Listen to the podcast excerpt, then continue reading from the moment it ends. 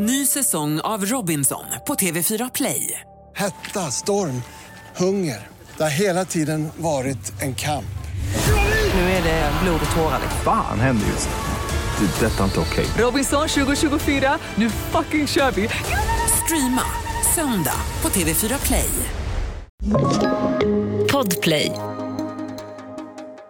Vinrummet är färdigt. Nu. Mhm. Så nu kommer den officiella inbjudan här över. Till, välkomna till Gävle Ja. så ska vi Ja, börja nice. tumma. Mm. Ska vi börja? Som om det vore vårt gemensamma arbete. Ja, nej, vi ska, lovar att vi ska göra vårt till i alla fall. Det Bra. kan du lita på. Bra.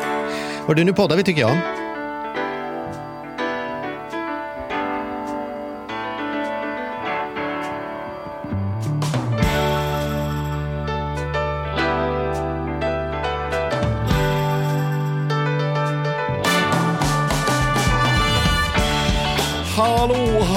Hallå, där! Ni har kommit till veckans episod av Ekonomi på riktigt med Charlie och Mattias. Hur är läget Charlie? Goa gubbar. Eh, Ska vi köra på göteborgska idag eller? Nej, jag bara fick feeling. Jag bara fick feeling. Jag har Ja. en sån här tisdagsfeeling ibland som inte... Ja. Ja, den är inte där varje tisdag, Nej. Mm. förutom att det är ju podd varje tisdag. Så det, tisdagar är alltid lite extra, det måste jag säga. Men ibland har jag Du är så gullig. extra jävla feeling. Och Mm. det har jag idag. Har du något kul att berätta? Jag har blivit kär i, jag har en ny kärlek i mitt liv. För några veckor sedan berättade jag om min kärlek till mina systerdöttrar, tvillingarna. Och sen har jag berättat om kärleken till en hund som jag förälskat mig i, som bor tvärs Du över. har också berättat om kärleken till en skärbräda. Ja, min skärbräda vet jag. Jag är så, så himla nöjd med min skärbräda. Jag, Primus fyllde år i helgen och då, då varenda burk gick åt för att förbereda den där härliga barbecue-menyn där det skulle hackas och göras. Äh, det var som en frö. Jag hade aldrig klarat att laga så mycket mat på så kort tid om jag inte hade haft min fantastiska skärbräda med alla facken och lådor och kunna förbereda mise plats. Skitsamma. Men nu är det Keep som jag har snöat in på. Använder ni Keep? Det är en sån här Google checklister. Så jädra enkelt. Den gör ingenting märkvärdigt överhuvudtaget. Eh, men jag gav ju upp på checklist många år sedan och sa jag lägger in allting i kalendern när det ska göras istället. Men nu har jag konstaterat att det blir ju liksom en lång sån här Andrea och jag, saker som ska köpas till hemmet. Ett toalås, kroken i sovrummet, den sista biten list vi inte har. Liksom så här.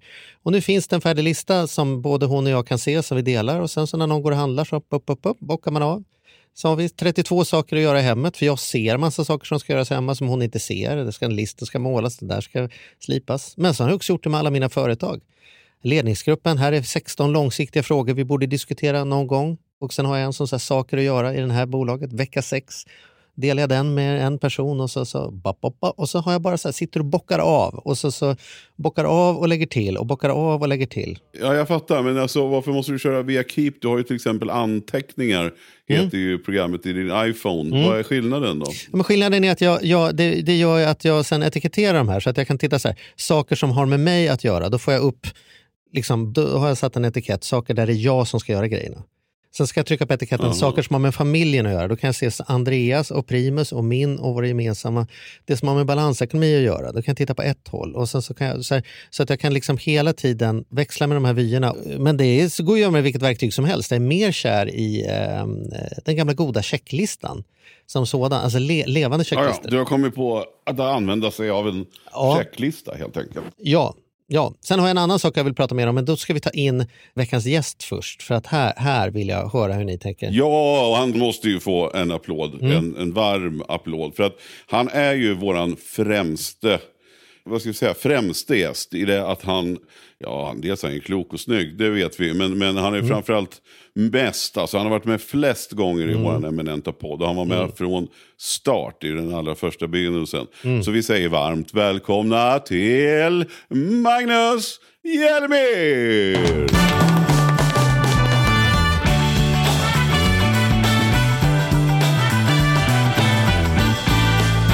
Tack så mycket! Känner du att det är, är det någonting du brukar öppna med på middagar? Sådär, ja, jag är den som har varit med i flest poddavsnitt med Charlie och Mattias, men det känner du säkert det. Så Ja, det står på din Tinder. ja, vet ni att jag pratade om er i helgen? Gjorde du det? Ja, men ganska ofta så känner jag att jag slänger mig med det. Ja, Det är Charlie och Mattias från gamla Lyxfällan. Ja. Alltså det känns lite... ja det Jag känner mig ha. lite privilegierad Ja, men att, det- att få sitta här och snacka Vad ekonomi. skönt att du använder ändå det i ditt liv, att du får lite extra cred för det. det är, Egentligen borde jag inte Jag, ge det. jag använder ofta när folk är gnälliga, då använder jag ofta Magnus, äh, Magnus löpningar som exempel. Jag tycker Ja. att folk tycker att livet är lite jobbigt ibland när de känner sig trötta för de har sovit bara fem och en halv timme på en natt eller någonting. Just då, brukar det. Jag, då brukar jag häva ur mig och säga så här, jag har en kompis, han heter Magnus. Hanni, säger jag. Och då blir alla ganska tysta och, Ja. och eh, då slutar de gnälla. Så när Bagge tycker det är jobbigt att det är fyra presskonferenser innanför Melodifestivalen kan du säga, ja, eller så kan man springa 44 mil på, Ja. på en vecka. Så kan man tycka det är Ja, jobbigt. men, med lite höjdmeter på, på köpet. Typ en åreskuta om dagen säger jag. Och då bara, okej. Får man inblick i vilken dryg människa du kan vara Mattias. Vet ni att sist, sist vi pratade om det här, kommer ni ihåg det? Då satt vi här i studion och jag, var, jag var alldeles svettig. Jag var tvungen att ta med tröjan. Det var liksom, jag hade ganska nyligen kommit hem från det här loppet. Och, Ja. eh, det, det, det var liksom så känslomässigt starkt. Liksom. Så det Jag hade, jag hade svårt ja. att prata. Ja, det satte Mm. igång. Liksom. Mm. tog nästan hela poddavsnittet innan jag, innan jag Mm. svalkade av med det. Ja, Ja, ja. Men är nu, när jag har båda med, båda med er så ska jag prata om er. Jag har en eh, grupp på Facebook som jag är eh, en av vad heter det, administratörerna eller värdarna för Mm. som heter Ett rikare liv. Och där la jag häromdagen upp en fråga som jag såg att den hade studsat någon annanstans och som jag blev totalt fascinerad över svaret. Frågan är så här, en man köper en get för 60 kronor. Sen säljer han den geten strax därefter för 70 kronor. Sen ångrar han sig, köper tillbaks geten för 80 kronor för att sen slutligen sälja geten för 90 kronor. Allt detta sker under samma dag. Hur mycket har mannen tjänat? Är frågan. Nu fick Ja. inte ni detta skriftligt då. Nej. Ja, men han köper den för 60, säljer den för 70, ändrar sig, köper tillbaks den för 80 och sen säljer den sen för 90. Hur mycket har han tjänat på dessa affärer? 30 kronor. Och det är det här som är så fascinerande. vet du. Att 20 kronor är för mig det självklara, det självklara svaret. Men nu har jag 92 kommentarer som tyder på att man ser detta på olika sätt. Jag har gått till Ari Riabacke, eh, doktorn i beslutsanalys och frågat honom eh, både vad svaret är och hur man kan tolka detta. Han håller med mig att det är 20 kronor därför att det är två affärer. Jag Ja. köper en för 60 som jag säljer för 70. Ja. Sen köper jag en get för 80 som jag säljer för 90. I båda de två affärerna har jag tjänat 10 kronor. Mm. Mm. Eh, That's it. Det faktumet att jag var samma get jag köpte tillbaks för 10 kronor mer, det spelar ingen roll. Men vissa vill ha det till att jag tjänade 10, sen förlorade jag 10 och sen tjänade jag 10 igen. Så att jag går Ja. 10 plus. Och vissa säger det spelar ingen roll vad du gjorde där i mitten. Du köpte den 60 och sålde den för 90, där har du 30. Eh, som Mattias är på nu. Och jag själv är som, nej men det är ju 20. Är det fascinerande att en sak som man tänker är så självklar, så hör man liksom 92 andra personer och så blir plötsligt, det kanske inte var så självklart ändå. Liksom. Alltså, din Mattias, 30. Jag tänkte, hur får han ens ihop det där? Är, är, han, är han ekonom? Eller? Ja. Nej, nej. Nej, men alla de där brukar ju vara någon sån här kugggrej. Det naturliga kände jag också Ja, men det var 20. ing- ja. Men, men, Ja, men det precis. men då vill jag säga Mm. någonting Nej. snabbt bara för att säga någonting. Alltså, Ja, så. ja. Men man skulle ju behöva... Men nu är det, har du också landat i 20. Ja, Mm. det har jag. Men jag skulle kunna landa i 10. Ja, ja, den förklaringen är inte heller... Nej. Men, men eh, då är du en sån person som tänker att du förlorar pengar på börsen när du inte äger aktier och när det går upp och ner också. men jag vad- tänker att man kanske- Geten förändrar sig i värde när du inte äger den. Det borde ju inte påverka dig. Nej, men jag tänker att eh, det spelar ingen roll om det är en get eller om jag skulle driva en... Alltså, jag, jag kanske gör bokslut en gång om dagen. Mm. Då sammanställer jag mina och, då, och så ser jag så här, hur mycket jag har gått i vinst med eller förlust Mm. under den här dagen. Oavsett hur många transaktioner eller... Så att det är det är den totala vinsten i min plånbok efter dagens slut. Mm. Oavsett om jag gjort en eller 20 affärer. Ja. Men att sälja jätter för 70 och köpa för 80 är ju inte förlust på 10 för du har ju jätter på balansräkningen för 80. Ja, ja. Det är först när du säljer Det är först när jag säljer. Ja, ja precis. Ja, ja. du ser. Ja, ja, Mm. men det var ju... Nåväl, nu var det ju inte jätter det skulle handla om idag. Den här får vi lägga upp i... Ni som lyssnar, gå in i vår Facebookgrupp och berätta för oss. Vad är egentligen en rimlig, rimlig analys av detta? Och eh, nu vet vi att en get inte kostar 60 kronor. Det var bara för att förändra. Du kan byta till lämplig enhet. Vi kan också lägga ut på våran Insta exemplet. Mm. Så får vi se vad folk kommer fram till. Det är kul. Ja, ja, nåväl. Idag ska vi prata däremot om orangea kuvertet. Yes! Mm. Och då ska jag börja med att säga så här att jag tror att du också är utsatt för detta Mattias, men när jag jobbade på Plus, då fick jag, när det var dags för orangea kuvertet, fick man gå ut på stan och göra så kallade postanare. Och postanare är ju då när man ska sticka fram en mikrofon till människor och säga så här, ursäkta, får jag ställa några snabba frågor till dig? Det har ju Mattias, Ja. du har ju gjort otroligt många fler postanare än vad jag Ja, har och gjort. jag kallar dem för enkäter, sa vi. Att man gör Enkäter. äh, enkät på stan. Precis. Mm. Vad, är- är- gillar du det eller? Ja, jag, jag, Jag, ha, jag hatade det egentligen, Ja. tanken om det. För att man måste slå på, eftersom det är så många som är griniga när man kommer fram. Eller som inte vill svara. Eller sådär. Och man måste, ju mer man ler och ser glad ut, ju mer kommer ju folk att eh, vilja prata med en. Så att man var tvungen att, liksom, jag gick och gjorde sådana här fopparullningar med axlarna innan jag började. Jag var tvungen att liksom peppa upp mig. Ja. Men när jag väl kom in i det, då tyckte jag ju faktiskt att det var kul. Ja. Och jag var jävligt bra på det. Det måste jag säga. Att det, det var jag, jag var ruggigt bra på att göra de här. Ja, det var också med. Du var jävligt bra. Du, du är bra på dem. Jag tycker, jag är som det, inte att jag är bra på dem, men framförallt att jag tycker att det är väldigt ångestladdat. Att springa fram och störa människor på stan. 90% vill inte vara med och 10% vill vara med, men är upptagna med att låtsas som att de inte vill vara med. Så det är liksom ett hästjobb.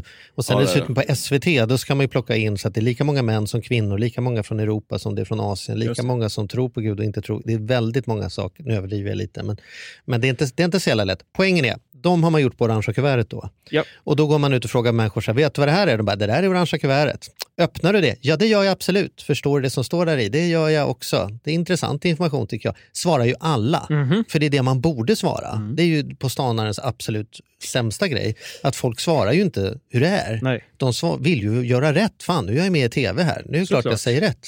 Så det är ju ingen som säger som det är. Att, att majoriteten öppnar inte och de som öppnar har ingen... Vad fan ska jag göra med den här informationen? Blir bara förbannad och slänger i en hörna. Liksom. Yes. Det är min åsikt om det här kuvertet. Orangea att det, kuvert. orangea kuvertet är lite klurigt att prata om för att alla, alla tycker ju likadant, verkar det som. Men det är ju ingen som agerar i linje med det de så att säga verkar tycka. Ja, just det. Hur är du? Öppnar du det orangea kuvertet? nu på stan, nu på stan På jag dig. stan. Du, på, på tal om på stanare, när jag läste lite kurser i journalistik så var vi ju ute. Jag tänkte på den, gjorde vi också på stanare, men, Mm. men våra var ju inte ens liksom... Det var, det var ju till ingen nytta. Eller det var ju till nytta såklart, men Jo, det var ju inte till det skulle, allmän aldrig, nytta. det skulle aldrig sändas. Nej, nej. Men det visste inte de. Nej! De utsattes för detta. Ja, ja, så jag tänker att ni hade åtminstone försprång där. Ja. Ja. Mm. ehm, måste jag säga, min bästa när jag stått på stan, eh, parentes här, jag stod på stan någonstans eh, på ett torg och då kommer det fram två killar som säger så här, spelar ni in tv? Ja. Är det färjan? Det är ju väl, av, av alla program man kan gissa på, gissar man på ett, på ett program som bevisligen utspelar sig på en båt, Båt. när vi står på ett torg. Det enda man vet om färjan är väl att det jävla med spelas in på en färja. De det var måste ju ha drivit med es- men- Nej, det mest idiotiska någonsin. Så här, Spelar ni in tv? Är det färjan? nej, det är inte färjan. Förlåt. Ja, men däremot så, ja, men du säger det här kuvertet, att man inte vill säga att man inte vet. Men, men eh, hur, hur har de inte ändå blivit lite lättare? Eller förstår folk skillnaden på premiepension och icke? Jag, jag, jag upplever ändå att man har blivit mer insatt, eller? vet du att jag har svar på det? Ja, men du ser. Jag har ju med mig lite undersökningsresultat. Ja, Åh, vad kul. för Magnus har varit ute på stan och frågat folk.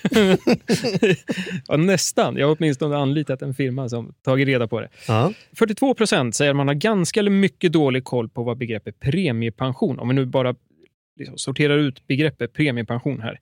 Vi har även frågat om, om tjänstepension och inkomstpension. Mm. Men just premiepension, 42 procent rakt över då. Och 48 procent av då svenska kvinnor upplever att man har ganska eller mycket dålig koll på begreppet. Så det, det är lite fler kvinnor än män Som vadå? som uppger sig inte Bra. ha koll på begreppet. För det betyder ju inte att de har sämre koll än män. Det betyder bara att de har en Nej. bättre självbild. Ja, än vad män har, exakt. skulle jag gissa. Som det det, alltid är. Ja, det, kan vi, det säger inte analysen. Men, Nej. Mm, ja. Eh, Men, och då tänker jag så här, det här är kanske ett ganska naturligt, men jag tycker det är en ganska oroväckande siffra. Att 69 procent i åldersgruppen 18 till 29, det vill säga de som kanske precis har klivit in på arbetsmarknaden, börjat tjäna in sin första liksom, Mm. premiepension.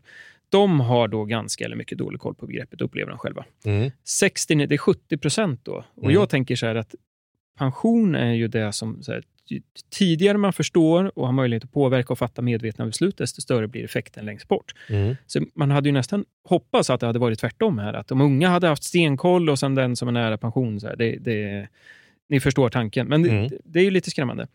Men 42 procent då rakt över. Och sen har vi också frågat då hur man, om man förstår innehållet i det orangea kuvertet. Så på tal om din på stanare där. Och hur ska man kunna veta om man förstår? Det ju, det Ja, det är en intressant. definitionsfråga Ja. såklart. Men det, Mm. det blir svårt att ställa frågan på något annat sätt Mm. än att man får göra någon form av, av eh, Mm. enskild Hur bedömning. många upplever sig förstå det? Ja, men läser? 29 procent tycker att det är ganska eller mycket svårt att förstå innehållet. Så det är ändå nästan då 30 procent. Och samma sak här då, det är lite fler kvinnor, 35 kontra då 22 procent Mm. hos männen. Och sen är det framförallt då eh, åldersgruppen faktiskt 30 till 49 som uppger att, att man har lite svårast att förstå innehållet i det här Mm. kuvertet. Sen. Mm. Så det diffar väl lite på självbilden där också kanske. Ehm, Men det tror jag också kan stämma ganska bra därför att när jag tittar ner i det där kuvertet, så desto- desto närmare pension jag kommer, Mm. desto mindre kan jag påverka siffrorna. Men å andra sidan så, så börjar de beskriva någon typ av verklighet. Just det. Men om jag är 35 och så får jag reda på just nu är det så här mycket pengar undansparat och om det fortsätter blir det så här, det är så här ja, men det säger, det säger ju det är svårt att förstå. Vad blir, vad blir det när jag ska gå i pension sen? Då? Mm, Är mm. f- 400 000, är det mycket eller lite? Jag, jag har inget att jämföra. Är det bra eller då? Alltså så, här, så det kan man ju förstå, att det, om man står väldigt nära pension, då blir ju siffran liksom, inte intressantare, men den blir lättare att ta på. Ja. Å andra sidan blir den ju svårare att påverka. Så det är paradoxen här på något sätt. Va? Visst är det så. Ja. Och när du, precis när du säger det här så tycker jag att det eh, var faktiskt... Eh, Mattias, kommer du ihåg att du hjälpte mig att få prata lite i radio angående det orangea kuvertet här för, för något år sedan? Ja, just det. Ja. Mm. Mm. Och då en av programledarna säger där då så här, jag kollade mitt kuvert igår och det stod att det var en miljon kronor. Är det mycket eller lite? Och det blir ju en väldigt objektiv, alltså det är en svår fråga. Det är ju, nummer ett, så här, hur gammal är du? Hur lång tid har du kvar? Nummer två, tittar man bara i enskilda kuvert, det är klart man kan jämföra med ett snitt på gemene svensk. Liksom. Men det är ju så många andra saker. Det är svårt att prata pension och, och bara titta på det orangea kuvertet, även om vi ska prata om det primärt idag. Men jag tänker att tjänstepensioner spelar ju nästan större roll idag. Så när man får den frågan, så här, ja, jag tittade ner i det här och det stod en miljon, är det mycket eller lite? Så är det, det är väldigt svårt att svara på också. Och, det, och för att knyta an till det du precis sa, eh, Charlie, så tror att, att det är lite dilemmat. Så här. Det är svårt att föreställa sig i framtiden hur, my- dels hur mycket jag kommer behöva och hur mycket liksom, running cost ska jag ha och, och vad är jag nöjd med. Så här, jag kanske bor i en stuga ute i, i skogen och har eget elverk och lever på noll och ingenting. Mm. Behöver jag ens pengar då? Mm. Jag vet inte. Många har ju bara det senaste året Men- insett men att man behöver också- 5 000 till i månaden för att betala elen. Ja. Om det fortsätter till pension, ja då var det man hade räknat med inte alls lika adekvat längre. Alltså, det är svårt. Det är Ja. lite som vi pratade om för en vecka sedan, att det är som att spela finans där man ändrar reglerna varje varv. ja, man det. vet ju inte riktigt vart det är på väg. Va? Nej. Mm. Vad var du på väg Mattias? Nej, men jag var på väg till minpension.se. Jag vill, vi har pratat om dem, eller om den sajten många, många gånger. Men jag tänker aldrig sluta prata om den heller. För att där, det tycker jag är en väldigt, väldigt bra sajt. Att enkelt få koll på ens pensioner. Och när man kommer dit så är det ju bara att logga in då med BankID. Och sen så samlar ju sajten upp information. Och där, det står väldigt enkelt och väldigt tydligt på minpension.se, tycker jag. Så det är verkligen någonting som jag vill rekommendera och slå ett slag för. Det har du helt rätt i. Det var länge sedan jag gjorde. Jag lägger till den nu på min keep-lista på saker för mig och Andrea. Minpension.se. Kolla för i år. Bra, tillagd. Det där är bra. Mm. Jag tycker man kan gå in flera gånger per år faktiskt och titta Absolut. där. Det, det, Jaha, det, fick jag skit för Nej, den men- punkten också. nej, men det är lätt att man kommer på det, eller man kanske sitter och pratar i, i umgängeskretsen. Att så här, ja, men ska vi inte kolla? Och sen kollar man, sitter alla i sina telefoner och, och, och håller Mm. för och skymmer och tittar där. Mm. Och, det- och det är ju bra, men jag, Vi är på väldigt olika middagar. Det är väldigt sällan jag är på middag och alla bara, nu kollar vi pensioner hörni. det, det tror jag kanske är ett uttryck för alltså, att du jobbar med det du jobbar. Jag tror den här podden gör vi även den här veckan i samarbete med Saveland. Fan Mm. vad kul det är att ha dem med ombord. Mm. Jätte, jätteroligt. Ja, vi brukar prata om att man har något band som man såg jag stod Bo Kaspers jädrigt tidigt liksom, innan man gjort tv-debut. Och du har något hårdrocksband som du var jävligt tidig på. Ja, alltså jag var på, på Lilla Teatern Göta Lejon och såg Metallica Ja. 1984. Så gammal är jag. Och jag var i kontakt med Saveland när det fortfarande var typ tre, fyra personer där från Mm. början. När jag fick möjlighet att träffa dem. Eh, och nu är de ett stort bolag, fyller tio år, finns på börsen och jobbar helt enkelt med att vanliga privatpersoner och företag kan investera pengar eh, i eh, lån och krediter. Mm. Så man får riktigt bra ränta. Så eh, det rullar på efter tio år, bättre än någonsin. Fantastiskt kul att ha dem med här i podden. Mm. Gå in, testa, kolla. Vi har en kod som gör att om du öppnar ett konto och använder på riktigt får du dessutom en insättningsbonus just nu. Precis, och vill man veta mer så som sagt gå in på saveland.se. Man kan också lyssna på Ludvig som har varit gäst i vår podd två gånger. Då får Ja. man en ännu bättre inblick i Ja. vad, vad det är de pysslar med egentligen. Men eh, ja, saveland.se och stort tack. Ny säsong av Robinson på TV4 Play. Hetta, storm, hunger. Det har hela tiden varit en kamp. Nu är det blod och tårar. liksom. Fan händer just nu. Det. är Detta är inte okej. Robinson 2024, nu fucking kör vi! Streama söndag på TV4 Play. Poddtips från Podplay. I podden Något Kaiko garanterar östgötarna Brutti och jag, Davva, dig en stor dos skratt. Där följer jag pladask för köttätandet igen. Man är lite som en jävla vampyr. Man har fått lite blodsmak och då måste man ha mer. Udda spaningar, fängslande anekdoter och en och annan arg rant. Jag måste ha mitt kaffe på morgonen för annars är jag ingen trevlig människa. Då är du ingen trevlig människa, punkt. Något Kaiko, hör du på Podplay. Därför är gardinerna. Väldigt många av våra lyssnare känner inte igen sig att man plötsligt får ett infall och sen sitter alla på en middag och kollar sin pension. Ja. Ja. Vi, vi har ju ätit middag, Charlie. Och... Då har vi inte kollat. Nej, det har vi inte gjort. Då. Det Nej. var, var fokus på annat.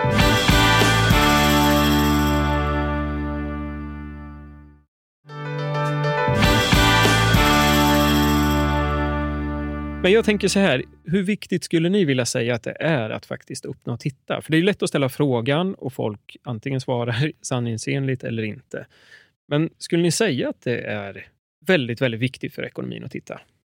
Jag kan svara först och säga så här att när, när det här infördes med eh, orangea kuvertet 2000. så um, gjorde jag lite undersökningar på detta och konstaterade att just enskilt det orangea kuvertet har inte jättestor, alltså det, det är en begränsad del av hela pensionstårtan. Mm. Och om just premiepensionen har gått upp eller gått ner eller rusat i sådana saker, det, det, det ger inte liksom en, en, eh, det är en punkt som inte säger så mycket om hur det kommer bli när du blir pensionär, om du bara har den punkten. Just det. Så jag skulle säga att man har lyckats lite väl bra med att pitcha premiepensionen så viktig. Jag tror att vi överskattar ofta den vikten och det försvårar ju för när man öppnar den och tänker så här, det här är jätteviktig information så fattar man ändå inte vad man ska göra med den här viktiga informationen. Nej, För det är bara en pusselbit av kanske tre, fyra, fem, tio pusselbitar. Va?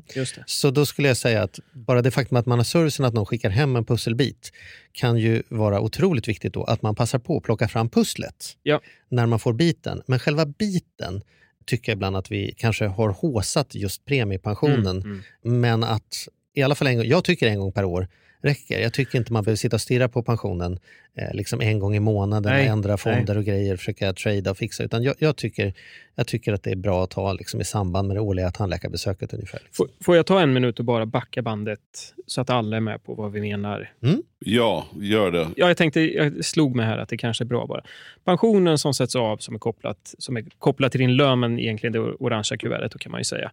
Det är ju den, den delen som kallas allmän pension. Det finns ju egentligen tre pensionsdelar att ha koll på. Den allmänna pensionen, tjänstepensionen och det privata pensionssparandet. Då.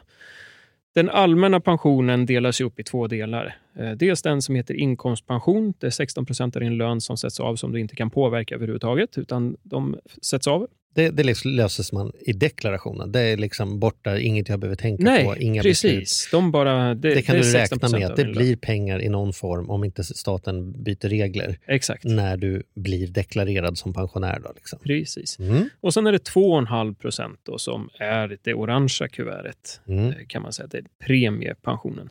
Så allmän pension delas upp i två delar. Inkomstpension 16 procent, eh, premiepension 2,5 procent. Så 2,5 procent av din lön har du möjlighet att påverka själv. Och det är ju det som det orangea kuvertet egentligen handlar om. Och då kan du inte påverka hur mycket som sätts av eller någonting sånt där, utan det är i relation till hur mycket lön du deklarerar Mm. så sätts det där in helt utan din påverkan. Har du tagit upp det som lön och betalat löneskatt på det så blir det 2,5 procent av det blir pension. Liksom.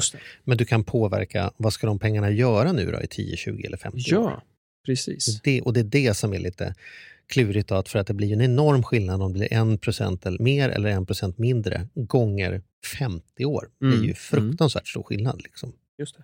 Men på tal om pusslet då, så kan man ju se att den, den här enskilda biten som vi egentligen tittar på nu, det är ju 2,5 procent av din lön.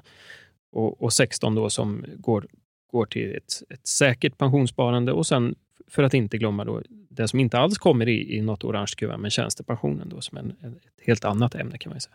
Och så privat sparande. Och privat, ja. och sen kan du göra privat sparande till pensionsåren, Ja, men som inte är precis. pensionssparande. Ja.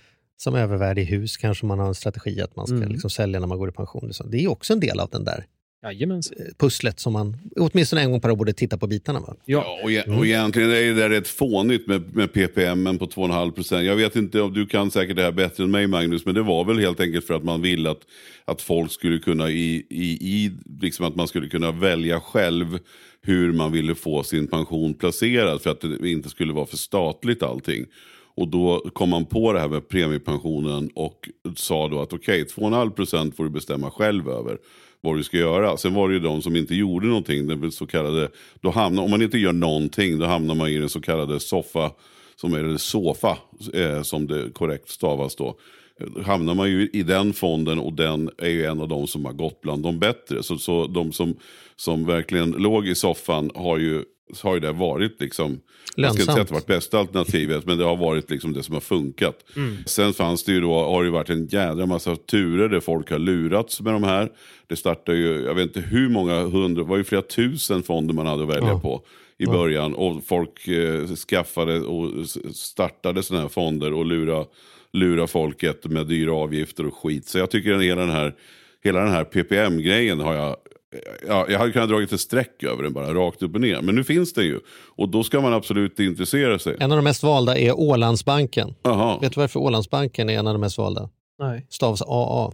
Ah, långt Ligger upp på först listan. på listan. Vet. Du- Och då säger det ju någonting om... Men nu sitter jag och Mattias här som du hör och eh, ruvar på en ganska tydlig åsikt. Och Ja. att vi tycker att PPM är skit. Och jag tänkte säga, varför, Vad- varför tycker ni det? Därför att vi tycker att folk har betydligt viktigare saker att engagera sig i än att de ska låtsas engagera sig i 2,5 procent av sin pension. Ja. Det, det är klart att det finns möjlighet att påverka, men det finns ju, vill man verkligen påverka sin pension finns det ju andra delar man kan engagera sig i. Mm, Och är det verkligen så? Det känns lite som att, det, är- vi fick lite som man gör med barn. Här får du någonting att jobba med så kan pappa sitta liksom, kolla på den här filmen så får jag jobba vidare Så får jobba färdigt. Lite så tycker jag det verkar. Och Fast- man tycker kanske att vi har valt en stat för att långsiktigt förvalta våra finanser. Kanske de kunde ta sitt jävla ansvar och göra det även med de här pengarna istället för att dra in Ja. oss hela tiden.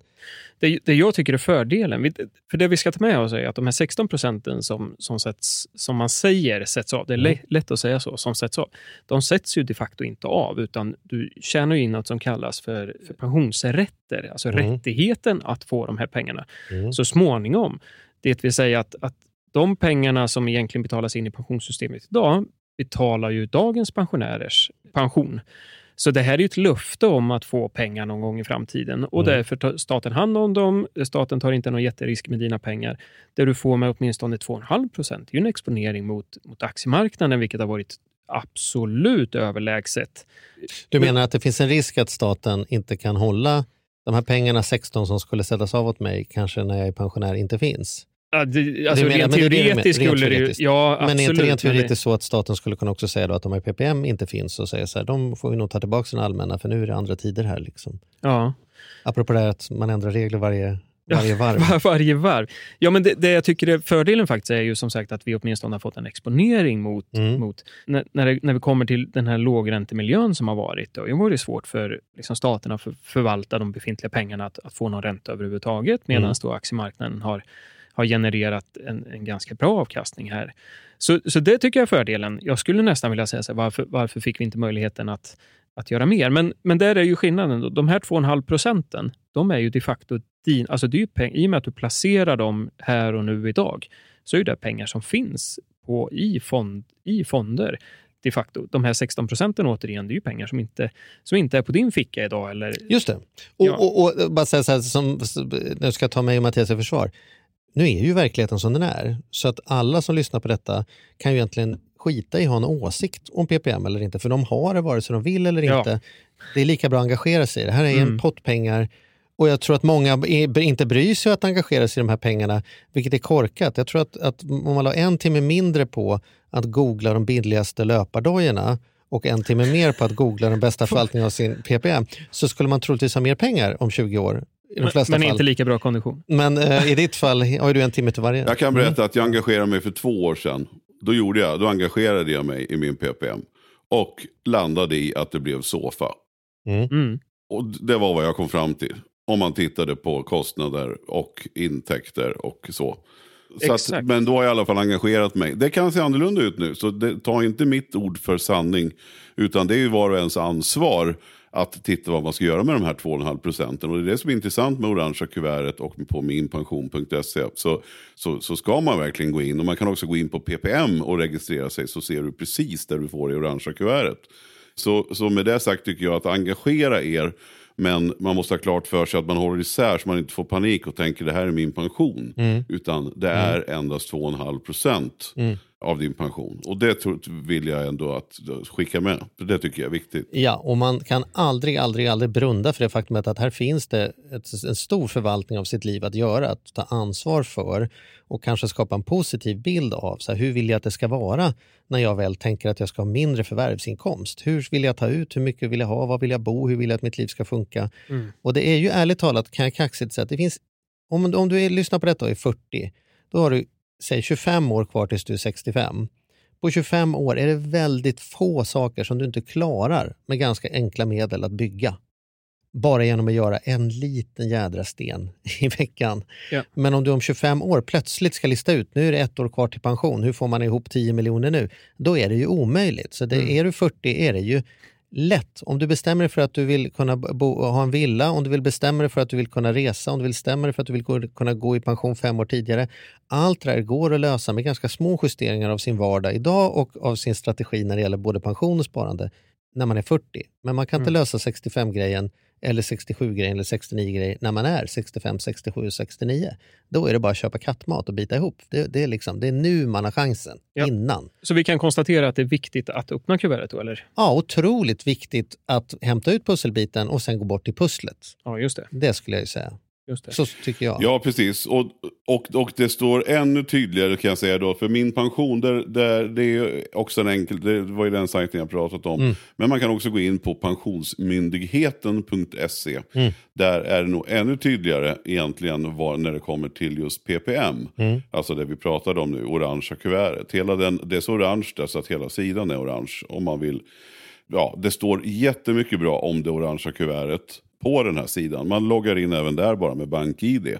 Så att pensionsmyndigheten.se och så går man in på mina sidor. Och sen så kan man få allting kring, kring just det orangea kuvertet.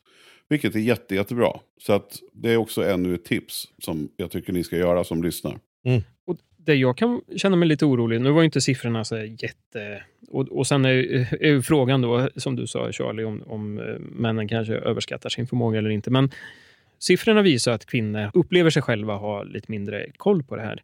Det är lätt att prata om kvinnor som en utsatt grupp och, det, och enligt mycket statistik så har de ju det sämre, både lönemässigt och andra delar som, som, har varit liksom, som är och har varit stora Men att förmögenhetsfördelningen är till, till kvinnornas nackdel, det är väl inget att diskutera? Nej, nej, nej men fakta. precis. Men, Mm. men jag känner sen när, när jag får in de här siffrorna från undersökningen och tittar på dem, så, så vill jag vill ju...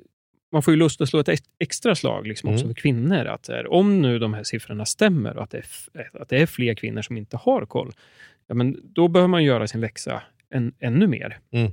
Upplever jag. Sen kan det ju vara så som, som vi var inne på, att männen kanske sitter och, och klappar sig på axeln och tror att man har koll på läget. Jag kan lägga till en annan statistik. Eh, nej, jag kan inte lägga den som statistik för jag har inte siffrorna framför mig. Men det finns i alla fall flera undersökningar som tydligt visar att när det gäller att hantera pensionen så är kvinnor generellt sett bättre än vad män är när de väl engagerar sig. Mm. Man är bättre på att göra en, en rimlig riskbedömning, man är bättre på att tänka långsiktigt, man är smartare när det kommer till hur man väljer, man har inte lika mycket hets och hoppar fram och tillbaka. Och liksom man, man, man, man lägger en smart plan och så följer man den. Ja. Så det handlar också ganska mycket om att ingjuta till fler kvinnor ett självförtroende i att de kan. Bara för att Mm. det står män och spelar Allan Ballan vid kaffeautomaten och pratar om att de har klivit in i den ena aktien och tjänat miljoner och att det där är liksom, du vet, har du koll på repro? Alltså där. Det är ganska mycket tuppfäktning och och fjädring som pågår där som, som Mm, man kan mm. bortse ifrån och konstatera att det här är inte skitsvårt och framförallt verkar kvinnor vara bättre lämpade än män generellt sett att faktiskt ta hand om, om, om finanser och det borde de göra för sig själva och gärna för andra också. Jo, och så, och så tänker jag just utifrån, när vi gjorde en undersökning så ser vi att, att eh, tidigare i år då, att kvinnor tjänar mindre och det är ju inte heller någon hemlighet. Mm. Men det in, kan ju också innebära att det, att det faktiskt sätts av mindre pension, vilket gör att Ja, så ska man hamna på samma nivå så, så bör man liksom vara den här ännu bättre Ja. personen och förvalta de här pengarna och engagera sig. Så med, med ett litet tyvärr, för man hade ju önskat givetvis att det inte var så, men ni kvinnor som lyssnar, att, att ge sig bangen på att se till att göra medvetna placeringar. Jag brukar, jag brukar säga medvetna, för det, ingen vet hur det här kommer gå. Eh, ena året så, så har de här, det orangea kuvertet, premiepensionen 2,5% ökat 8 någon annan 3 och, och senast tror jag var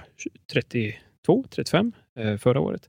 Så det, det, vi vet inte riktigt vart det här, men så länge jag gör ett medvetet val, så jag väljer kanske som, som Mattias, jag väljer att ligga kvar i, i soffonden för att det är absolut billigaste förvaltningsavgift och på lång sikt så har det här störst betydelse på hur mycket pengar som blir kvar i, i påsen. Liksom.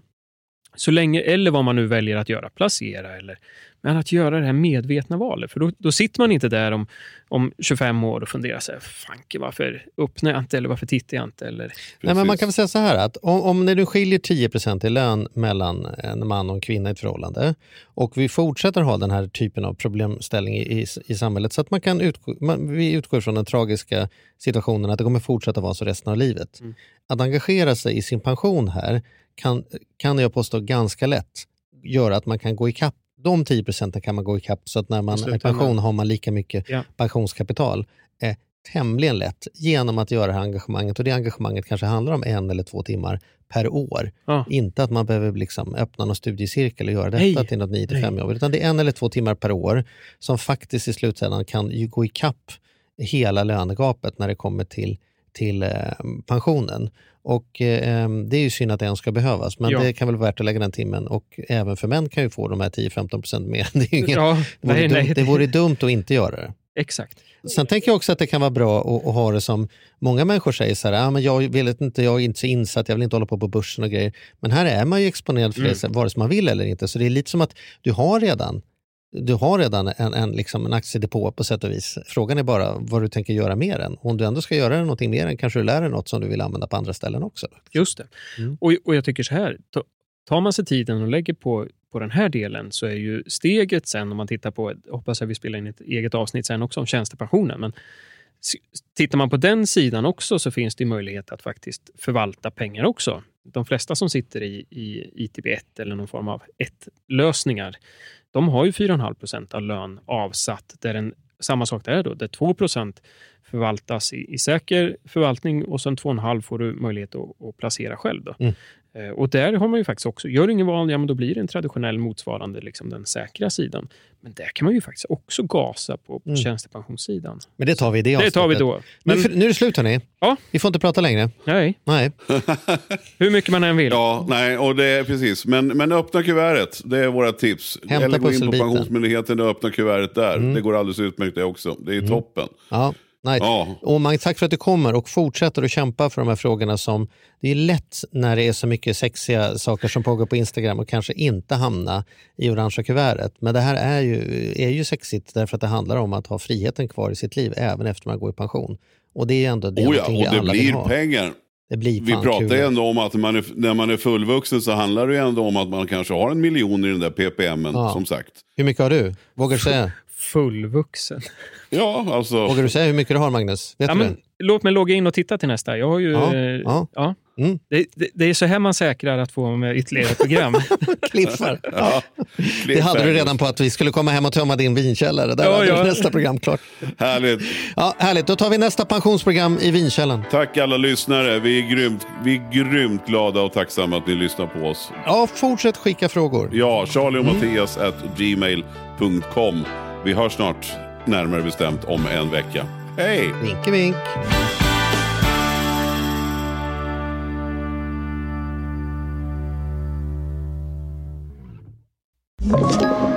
Podplay. Ny säsong av Robinson på TV4 Play. Hetta, storm, hunger. Det har hela tiden varit en kamp. Nu är det blod och tårar. Fan händer just det. det detta är inte okej. Okay. Robinson 2024, nu fucking kör vi. Streama söndag på TV4 Play.